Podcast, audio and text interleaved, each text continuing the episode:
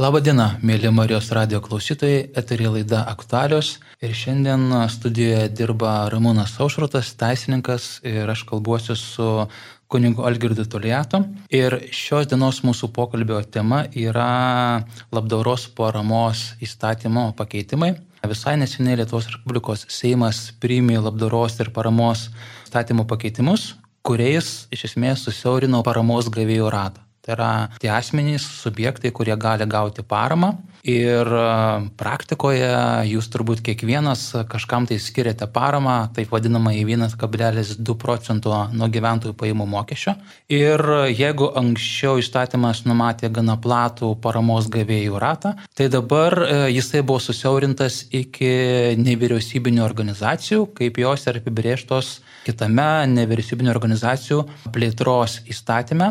Ir čia atsirado keletas bėdų. Pirmiausia, pagal dabar nevyriausybinio organizacijų paramos įstatymę įtvirtintą NVO apibrėžimą į tą savoką nepatenka nei biudžetinės įstaigos, taigi nepatenka ir mokyklos arba darželė valstybinė, bet taip pat, kas išaiškėjo tik tais prieš pat balsavimą Seime, Pasirodo, į šitą savoką nepatenka ir religinės bendruomenės ir bendrijos. Ir kadangi mūsų bažnyčia ir taip pat ir kitos religinės bendruomenės, na, iš tikrųjų pinigais ne, nes, ne, nesišvaisto, jos gyvena iš aukų lėšų ir ta 1,2 procentų parama, kurią surenka iš savo parapiečių, labai dažnai yra būtina ir reikalinga tiek einamosiams parapijos gyvavimo išlaidoms padengti, tiek įvairiai dvasiniai ir socialiniai veiklai vykdyti. Taigi su šito įstatymo įsigaliojimu, tiesa įsigaliojimas numatytas tik, nuo, tik tais nuo 25 metų sausio 1 dienos, bet visgi, jeigu niekas nesikeis ir įstatymas įsigalios, religinės bendruomenės ir bendrijos netenka teisės gauti 1,2 procento paramą. Na ir mes su kunigu Olgirtu kalbame, kalbame šiandien apie tai, ar iš tikrųjų tai yra teisinga, ar religinės bendruomenės ir bendrijos, na, nėra nevyriausybinės organizacijos, vien tik todėl, kad jos, sakykime, pagrindinis jau veiklos tikslas yra na, dvasinių poreikių tenkinimas. Kaip algirdai? Čia aš manau, kad iš tikrųjų čia tas klausimas yra pakankamai sudėtingas, ne, ir, ir, bet labai svarbus. Ir man net e, labai keista, kad e, to įstatymo prieimimas, jisai, na, nenuskambėjo, kad nebuvo jokios didesnės reakcijos Čia keli aspektai yra, ką aš matyčiau, kad vienas dalykas yra daugybė šaulių, šalių Europoje, Italija, Vokietija, kur bažnyč, bažnyčios išlaikymas yra ta va, dalis procento e, žmonės nuo savo mokesčių gali skirti, paremdami. Ir, ir, ir čia reikėtų atskirti du dalykus, kad viena vertus bažnyčia daug kur labai svarbu vaidmenį atlieka, atlieka kaip socialinė, nu, va, socialinės pagalbos ir per mokyklas, ir per ligoninės, ir senelių namai, ir, ir karito, įvairiausios tos veiklos, kurios labai matomos, pastebimos ir, ir, ir apčiuopiamos, na, va, kiekvienam tikinčiam, netikinčiam. Tai čia yra viena dalis, nors tai nėra pati pagrindinė misija bažnyčios, nes pagrindinė bažnyčios misija tai atliepti žmogaus dvasinį poreikį. Ir į bažnyčią kaip nevyriausybinė organizacija atliep, atliepianti į žmogaus dvasinį poreikį ir jeigu žmogus, vat, turėjome tą galimybę palaikyti, nu dabar įsivaizduokime, nežinau, na, e, tarkim, e, kokio miestelio ar, ar mažo kaimelio parapija, kur iš tiesų tai yra na, didžiulis iššūkis sudaryti galimybę žmonėm E, net ir tos pačios sekmadieninės maldos, nes sudaryti sąlygas, kad ir gal ten nedaug žmonių ateina, kelios močiutės ar se, bet čia ir džiaugsmas, ir gyvenimo prasme, ir, ir, ir dabar jeigu vaikai vat, savo tėvus, tėvais rūpindamėsi, nusprendžia, kad vat, aš matau, kad mano mamai, mano tėčiui e, tai yra didžiausias džiaugsmas prasme, aš noriu palaikyti visą tą veiklą, kuri ten vyksta dėl to, kad ta, ta veikla, nu, tiesiog tas gyvenimas, kuris atrodytų kalnų kažkokių neverčia, socialinių, neturi senelių namų, neturi ten dar kažko, ne, bet va, tas, nes ma, mažas kaimukas ir, bet va, noriu palaikyti. Ir nebelieka šitos galimybės, nebėra. Ar tarkim kontemplatyvių seserų vienuolynas, jeigu žmonės, kuriem tai yra svarbu ir, ir, ir nori palaikyti dėl to, kad tai atliepia. Vėlgi, jeigu mes žiūrėsim taip labai pragmatiškai, ne, kad, ne, ne, ne, tai čia nieko, malda, dvasia nepaskaičiuojama, tai čia ir, ir dėl to nereikia to palaikyti. Bet, žinot, kaip, kaip yra tas posakis, sako, reikia svajoti atsargiai, nes svajonės realizuojasi. Visas tas dvasinis pasaulis ir, ir bet mum tikintie, bet vat, mum, mūsų tikinčių reakcija. Ar mes iš tikrųjų imsim ir pasakysim, ne, iš tikrųjų, malda tai yra niekas. Malda tai yra nesvarbu, dvasiniai dalykai, kadangi tai neapčiuopiama, nepamatuojama, į, į, į dėžutės nesudėliosi, nu tai ką, mes tai tada ir, nu taip, iš tikrųjų tai yra neverta ir neremtina ir nepalaikytina. Jeigu mes sakom, pala, kiek yra, kiek yra, kiek yra žmonių per tuos karus apsaugota, vienuolijos ir, ir kiek, kiek yra į, tiesiog pati maldos dvasia, kuri kiek karų yra išvengta ir šeimose visokių pykčių, tai dėl to, kad dėl dvasinio gyvenimo, aišku, be abejo, nebūtinai tie, kurie vaikšto į bažnyčias, kad jie ir, ir, ir gyvena Kristumi, ten būna ir, ir blogų pavyzdžių, bet pati krikščionybė arba, ar, ar, ar kitos konfesijos ir kitos religijos, jų tikslas yra pažadinti žmoguje tai, kas yra gražiausia, aktyvuoti tuos talentus. Ir tai yra nu, fundamentali žmogaus teisė ir poreikis. Ir dabar kas atsitinka, kad mes vis labiau vat, tai norime nustumti kažkur ten į tokį, net, net, net nežinau kaip tai vardinti, tiesiog į, į paribį, kad nu va to nebelieka, nu jeigu tu darai ten tuos gerus darbus gerai, gerai, egzistuok. Bet jeigu tu, vat visą tavo dvasinis įnašas, indėlis, Vat tai, nu, tai mes to neskaičiuojam ir nežiūrim ir, ir nevertinam. Nes juk kiekvieną dalyką tam, kad jisai galėtų būti, kiekvienas vynogynas, kad jis galėtų duoti vaisių, jis turi būti apkarpytas, jis turi būti patreštas, jis turi jo rūpinti. Jeigu tu nesirūpinsi ir nebus rezultato, tai dabar, tai vat, didysis klausimas, ar mes iš tiesų dvasinį visą pasaulį nustumėm kaip į tokį, nu, tokį nereikalingą, nu, vat, nu, negalim paskaičiuoti, va šiais laikais, va. ar vis dėlto ir, ir mes, nu, vat, kaip bažnyčia, nežinau, apjungiam jėgas, keliam šitos klausimus, einam į diskusiją, nes tai būt negali, nes jeigu mes nereaguosim, tai tas traukinys ir nuvažiuos. Ir, ir iš tiesų taip ir bus, kad, kad, kad, kad dvasinės ir religijos laisvė, religinės, religiniai poreikiai, jie tiesiog bus išbraukti iš poreikių linijos, po, poreikių sąrašų ir sakys, ne, ne, ne, čia visiškai fakultatyvus ir nereikalingas dalykas. Man tai iš tikrųjų, tai vat, tas stebina, kad yra tokia siunčiama tarsi per šito statymo priimimą valdžios žinutė, kad dvasiniai poreikiai arba nėra būtini, arba netgi tam tikrą prasme jų kaip tokių net ir neegzistuoja. Na, kitas dalykas turbūt keista girdėti iš na, valstybės. Projektą pateikė liberalas Andris Bagdonas. Tai sakykime, jis atstovauja šiuo atveju valstybę, bet Seimas nubalsavo už dėl įvairių motyvų, bet turbūt vienas iš to, tai turbūt žiūrėjimas iš tos varpinės, kuri supranta bažnyčią tik tai kaip karitą, kaip socialinę instituciją. Bet, okei, okay, netgi jeigu valstybė supranta bažnyčią kaip socialinę instituciją, visgi sakytų, sakytume taip, okei, okay, valstybė, jinai labiau rūpinasi socialiniais poreikiais. Mamoms paramą teikia, našlėms teikia paramą, neįgaliaisiais rūpinasi, tai yra socialinių poreikių tenkinimas. Valstybė dvasinių poreikių netenkina. Dažniausiai. Tik tiek, kiek tai yra susijęs socialinių poreikių tenkinimu. Bet tai jeigu pripažįsti, kad visgi egzistuoja ir dvasinė tikrovė, ir dvasiniai poreikiai, tai leisk tenkinti tą dalyką kitiems subjektams. Ir tą dalyką daro nevyriausybinės organizacijos, ypatingai religinės bendruomenės ir bendrijos. Ir netrukdyk žmonėms tą dalyką remti. Tai bet tas kliūtis remti iš tikrųjų yra, na, tikrai keistas reiškinys. Ir jau pats asmeniškai su turbūt su tokia redukcija, redukcija supratimo tiek religinės bendruomenės ir bendrijos, tiek ir jos vykdomos veiklos susidūriau prieš porą metų, nes šita istorija prasidėjo realiai prieš, prieš porą metų, kai buvo svarstomi nevyriausybinio organizacijų plėtros įstatymas ir bandoma įrašyti apibrėžimą, kas yra nevyriausybinė organizacija. Ir man buvo labai keista, kaip aš mačiau socialinės apsaugos ir darbo ministerijos atstovus ir taip pat NVO tarybos atstovus, kurie priklauso, pavyzdžiui, ir Maltiečių or, o, o, o, ordino atstovas ir, ir Karit atstovas berots tuo metu priklausė. Tai jų pirmininkas iš esmės lobino už tai, kad religinės bendruomenės ir bendrijos nepatektų į apibrėžimą. Ir aš niekaip negalvo, negalėjau suprasti, kodėl ko, kodėl jie tą dalyką nori, nori daryti. Tai galbūt išstumus būtų patogiau, nes nu, jeigu tu neaukosi čia, tai paukosi kitur, Tai, tai va, ta, ta, ta bloga mintis lenda į galvą, nes, na, pinigai, kaip sakant, vis tik yra pinigai riboti e, ir, ta prasme, jeigu ne vienoje vietoje, tai kitoje. Tai, bet tai būtų turbūt pats primityviausias e, motyvas, dėl kurio reikėtų va tokį įstatymą iš tikrųjų, Ir- iš tikrųjų priimti. Bet grįžtant prie to, žinai, konceptualaus turbūt aspekto, ar ne, man visgi yra keista. Aš žinau šiek tiek bažnyčios istoriją ir puikiai žinau, kad bažnyčia buvo ta pirmoji, kuri prisidėjo prie socialinio darbo pradžios. Pasižiūrėkim Vincentą Paulietį, kuris iš tikrųjų, kurio dieną, kai švenčiame, švenčiame ir socialinio darbuotojo dieną.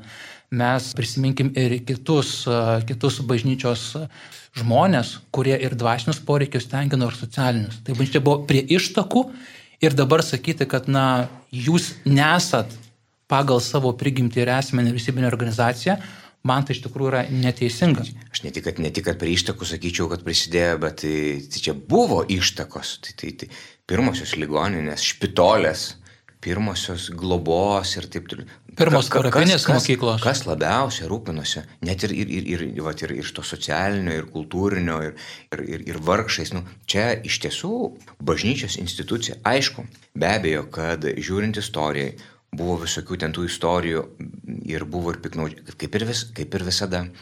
Atsiranda žmonių, kurie nori piknaudžiauti ir pasinaudoti. Bet pačia prigimtim ir pačia idėja ir rūpeščiu bažnyčia visais laikais, nuo pat pradžių, jau prieš 2000 metų, kai tik tai buvo įsteigta bažnyčia, Kristaus, ne, apaštalų, nuo pat pradžių buvo rūpestis e, bendruomenė, rūpestis ir ne tik tai ben, savais, bet ir kiekvien rūpestis artimu.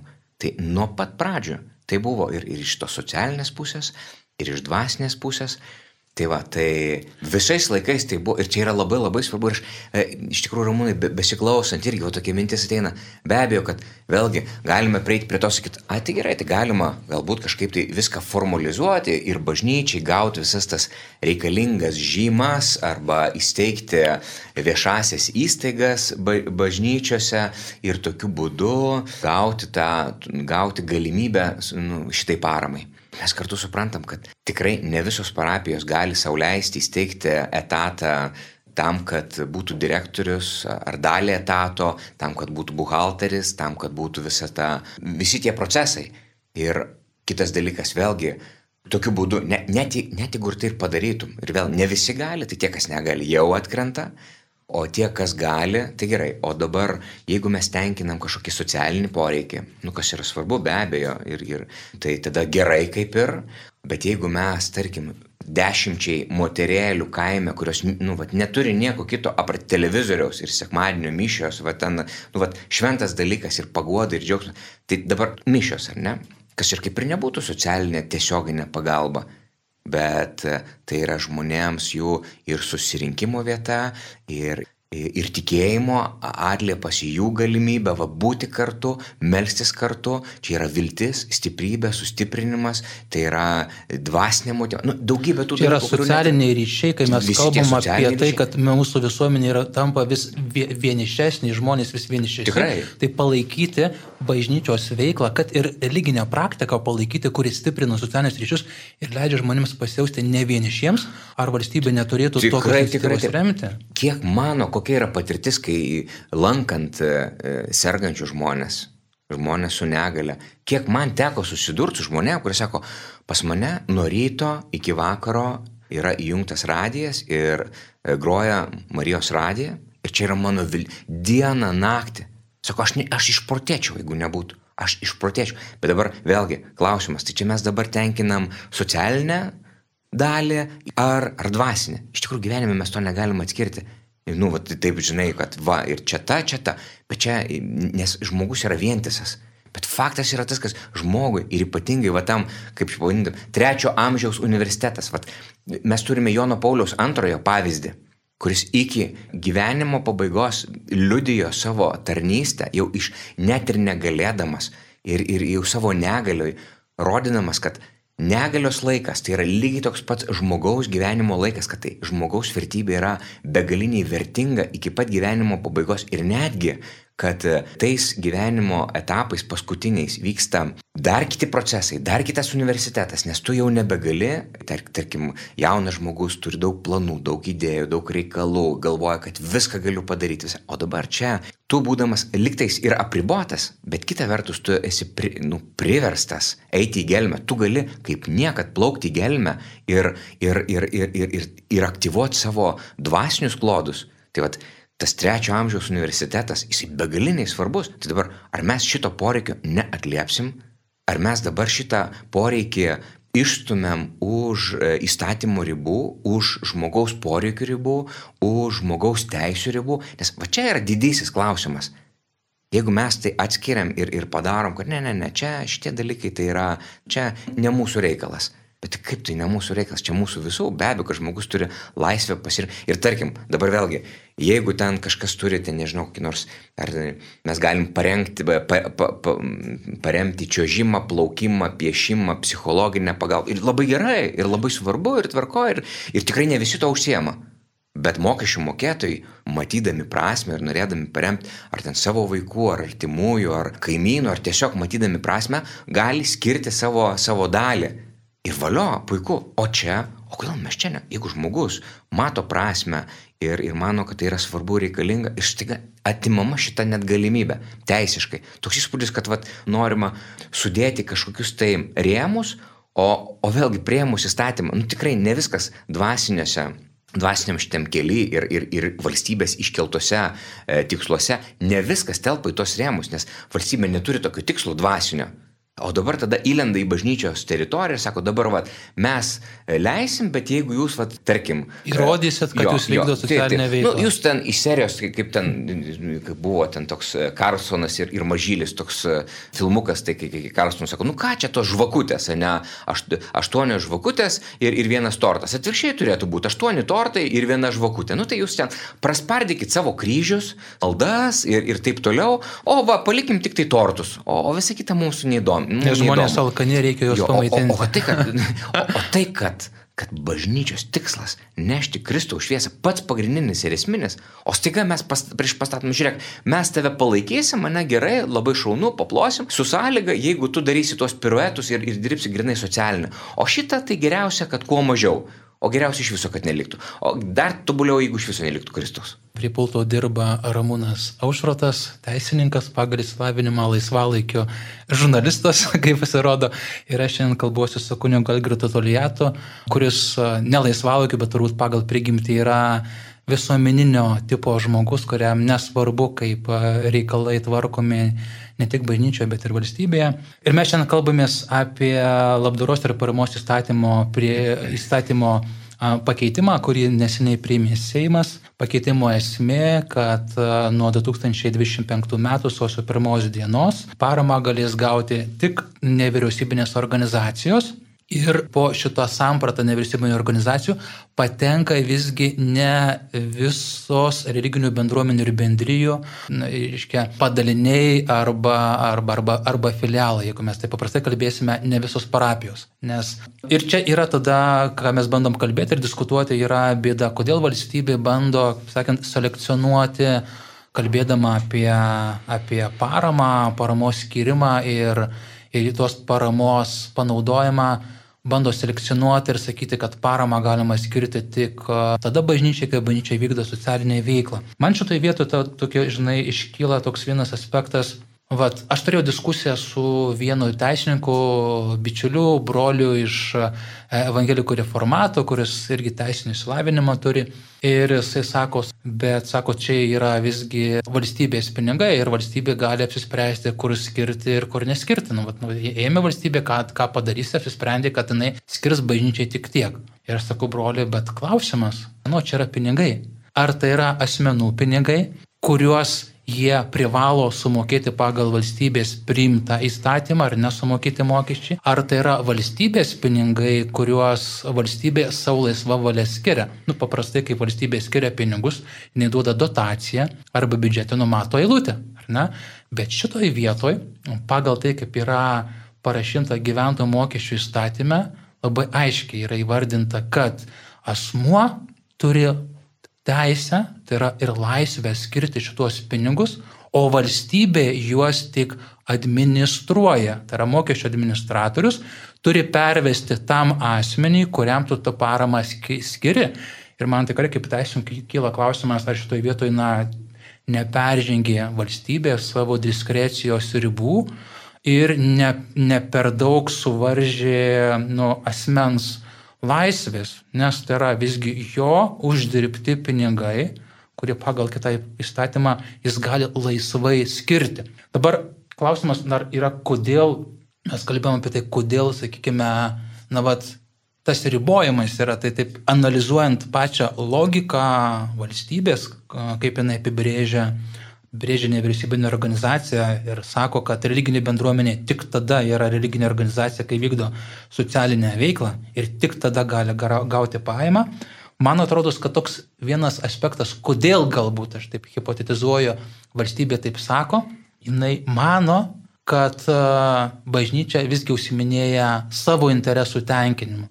Na, įstatymai yra taip parašytas. Yra skaidomos visos nevyriausybinės organizacijos į dvi kategorijas. Yra grupinės naudos ir viešosios naudos. Tai pavyzdžiui, grupinės naudos organizacijos būtų profsąjungos, kurios rūpinasi savo narių saugumo ir interesais. Grupinės naudos organizacijos būtų Lietuvos pramoninko konfederacija, kuri rūpinasi savo verslo interesais. Na ir tikriausiai mentališkai prie to priskiria ir bažnyčia. Ir bažnyčia tai yra asmenų grupė, kurie rūpinasi savo interesais. Tai jeigu čia žmonės rūpinasi savo interesais, tai ta prasme šitas, šita parama visgi na, nėra jiems skirta, nes jinai yra skirta bendrajam gėriui, bendrajam, bendrajam labui. Tai Algirdai, kur čia yra tos logikos, loginė klaida šitoje vietoje?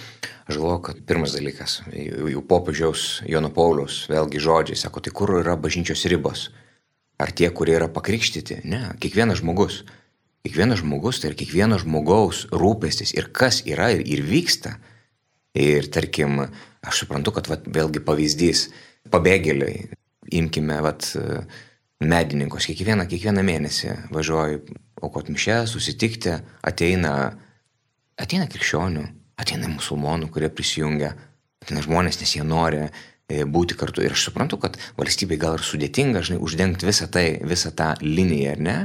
Bet, bet yra, yra daugybė tų, tų vietų, kur bažnyčia iš tiesų eina, rūpinasi ne tik savo vidinė bendruomenė, be abejo, kad yra didelė bendruomenė. Ir vėlgi, jeigu mes pažiūrėtume, kiek yra krikštytų Lietuvoje, ar ne, Ir vėlgi, čia prieš tai buvo klausimas apie tą mokesčių mokėtojų, nu, vat, kur mokesčių mokėtojai sudaryta galimybė skirti kažkokią tai savo dalį, lais, laisvai skirti valstybę. Bet o kas yra valstybė? Tai, tai, tai mes geri esam. Nu, kodėl mes čia skirstum tik, kas valstybė yra, žinot, čia kaip bažnyčiai. Kas yra bažnyčia? Nu, tai kunigai ir viskupai, ne. Tas bažnyčia, turbūt tas tai dualizmas, turbūt valstybė irgi būdinga. Kodėl mes dabar galvojam, kad čia valstybė yra klerkas, žiūrėk, klerkai, kurie ministerijose sėdė.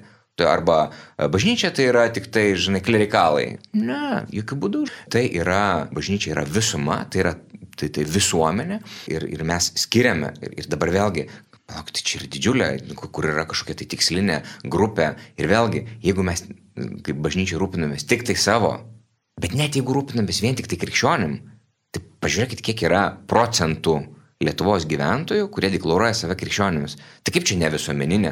Aišku, be abejo, kad mes čia galim sužaisti visokiais ten teisiniais formatais ir, ir pasakymais ir taip gražiai viską sudėlioti. Man kažkaip primena gyvulių ūkį kur, kur mes ten, nu, kaip reikia, taip sudėliosim, ne?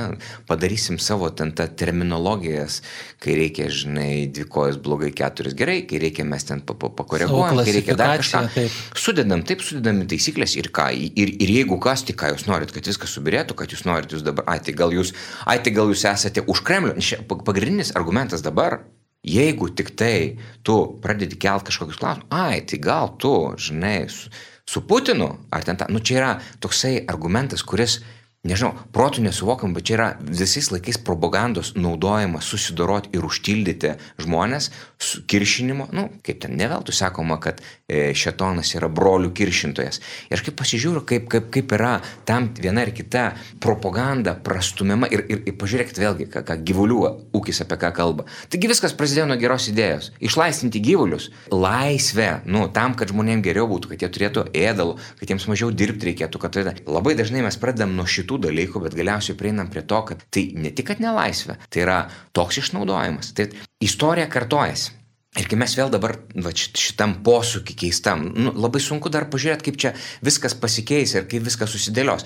Man toks įspūdis, kad čia e, labai dažnai politikoje vyksta taip, kad, na, padaroma kažką ir paskui žiūrim, yra reakcija, nėra reakcijos. A, nu visi patenkinti, visi laimingi, gerai, puiku, dar tada uždėkim daugiau, aha, dar veža asilas, dar užkraukim, dar užkraukim, dar. Tai kol žmonės, na, nieko nesako, visiems gerai, viskas tvarkoja, nu tai tada galima iškraipyti taip, kaip nori. Tai vad, kuo, bet vėlgi, čia mūsų atsakomybė. Tai jeigu mums rūpi bažnyčia, jeigu mums tikrai rūpi dvasiniai dalykai, jeigu mes tikrai norime, kad e, savo, žinau, kaime, kaimo tėvonijos, ten iš kur tėvai, seneliai, norim išlaikyti galimybę palaikyti tuos žydinėlius ar net dvasinius, Tai turi, turim reaguoti, mes turim kelti šitos klausimus, mes turim mobilizuotis, kalbėtis, ieškoti, žiūrėti, ieškoti tų pataisų, ar, ar, ar tiesiog, nu, žinot kaip, čia irgi yra ilgas kelias, bet jeigu nieko nedarysim ir visiems viskas yra tvarkoje, viskas yra gerai, tai ateis laikas ir galiausiai net ir sakys, taigi žiūrėkit, nu, mes čia prie, prie, prieš du metus viskas buvo padaryta, tai kur jūs buvot, o tai kodėl nieko čia nekėlėt klausimų, visiems viskas buvo gerai, dabar tik nepatenkinti. Tai aš manau, kad čia, e, na, yra tokie labai, labai svarbu, kad mes reaguotume. Čia ne, ne, neina kalba apie tai, kad e, išsitaškyti ir pasiduoti emocijom ir, ir ten, čia man atrodo, žemiausias lygis, ką mes galim daryti, tai yra vėlgi kaip tos pačios avis. A, ten dvi kojos blogai, keturios gerai. Ne, nu, tai kalbėkim. Kalbėkim argumentų ir teisinę kalbą. Ir nebijokim. Va, taip kaip mes dabar kalbam, aš tai labai norėčiau, žinot, ko aš svajočiau. Tai tarkim, va, dabar Marijos radio klausytojai, kurie girdite, va, ir galite šitą intenciją pasimelsti, kad, tarkim, parapijos klebonai ir sakytų, mm, iš tiesų, nu, va, tikrai, nu, labai aktuolus klausimas. Tai sėdam ir kalbam, padarom, įtraukiam, įtraukiam į mūsų, į mūsų sinodinį kelią, nu gerai, nesinodinį, vadinkim kitaip, čia mūsų reikalai, mūsų, va. Į kunigų susirinkimus. Į kunigų susirinkimus, aptariam kunigų susirinkimus, aptariam parapijai, pasikviečiam seseris vienuolės, kurios, o kaip jos gyvens, o kaip čia bus, o kaip ten ta, o, o broliai vienuoliai, o kaip ten vienuolinai, o kaip šitą, kaip, kaip čia darysim, kaip čia spręsim. Kalbam, žiūrim, reaguojam ir jeigu matom, kad galai kažkur nesuėjo, sueina, tai, tai tada tiesiog einam ir, ir, ir, ir, ir, ir kalbam su savo politikais tuos, kuriuos mhm. išrinkome ir sakom, žiūrėkit, mums truputėlį neaišku, tai kaip čia dabar bus, jūs mums paaiškinkit, tai darom diskusiją, gal čia viskas yra gerai, bet gal ne. Tai va, tai, tai va, man ko labiausiai norėtųsi, tai e, reakcijos, nes tai, kas man atrodo čia įvyko, yra pakankamai rimtas dalykas. Ir kol kas reakcijos aš kažkaip tai nejaučiu. Ir labai, aš, labai, žinai, labai neramu. Ir žinai, aš galvoju, kodėl tos reakcijos nėra ir netgi kai kuriais atvejais iš mano bičiulių katalikų yra priešinga reakcija, kad čia nieko tokio galima susitvarkyti kitų būdų.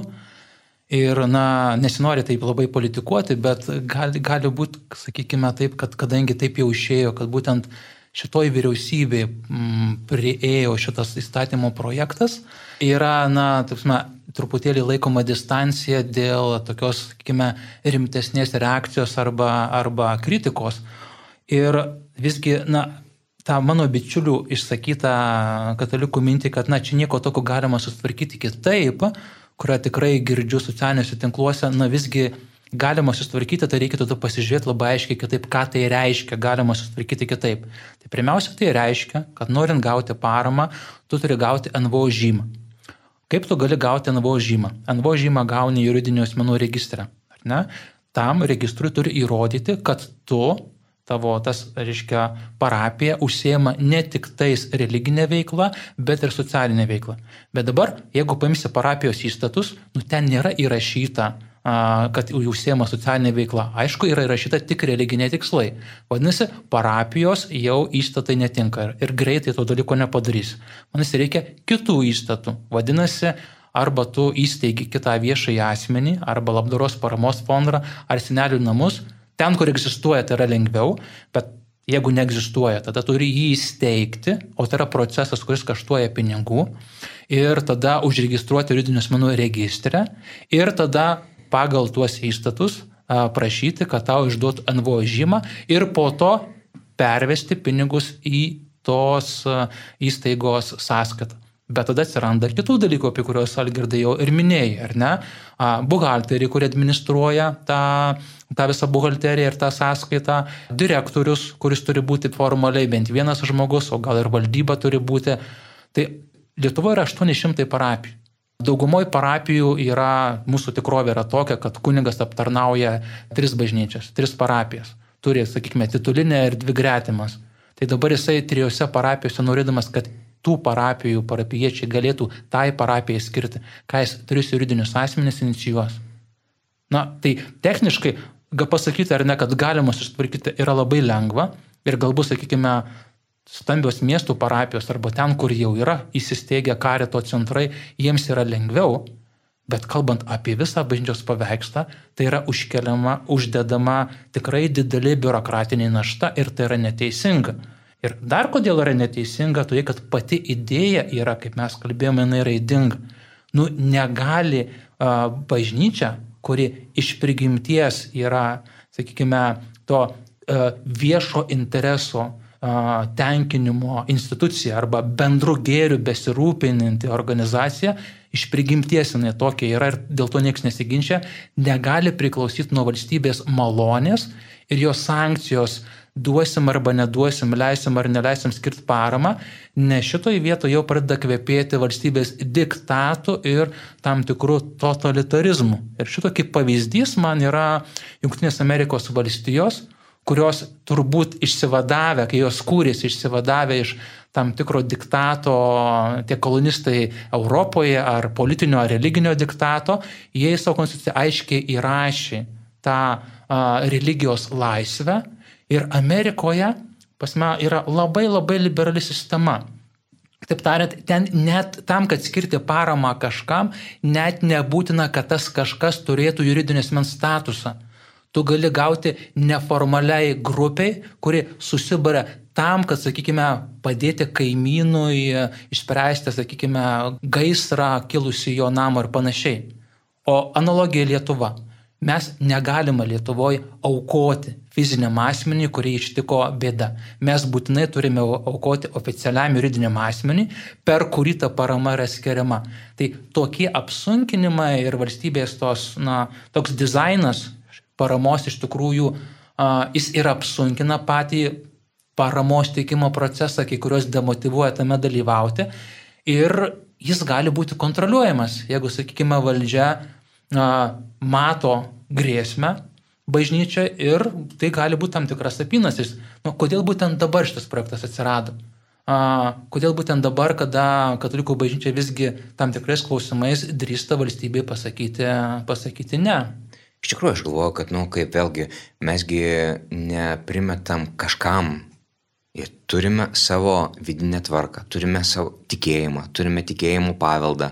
Mes E, kaip ten, sako, Dievo reikia klausyti labiau negu žmonių. Jeigu tai yra mūsų tikėjimo laisvė ir gyventi vidiniai savo bendruomenį, neprimetant, bet nu, sudaryti, sudarykite tada mums tas galimybės, kad mes galėtume savo tikėjimu gyventi, praktikuoti ir, ir savo šeimoje, savo bendruomenį. Ar čia vat, Norvegijoje pasakojo, kad ten, na, vat, nu, aišku, ten jau labai yra pažengę nu, progresyvūs dalykai, bet kad nu, vat, tarkim, vat, katalikiškoje šeimoje sakė, nu, vat, nu, pristatė vyro ir moters kaip šeimos modelį, sakytum, va štai yra pagal mūsų tikėjimą yra taip, tai tėvus išsikvietė pas psichologus, sako, kodėl jūs dabar klaidinat vaikus, čia yra nebūtinai taip, gali būti visai ir taip, ir, ir kitaip, ir trečiaip, ar ne?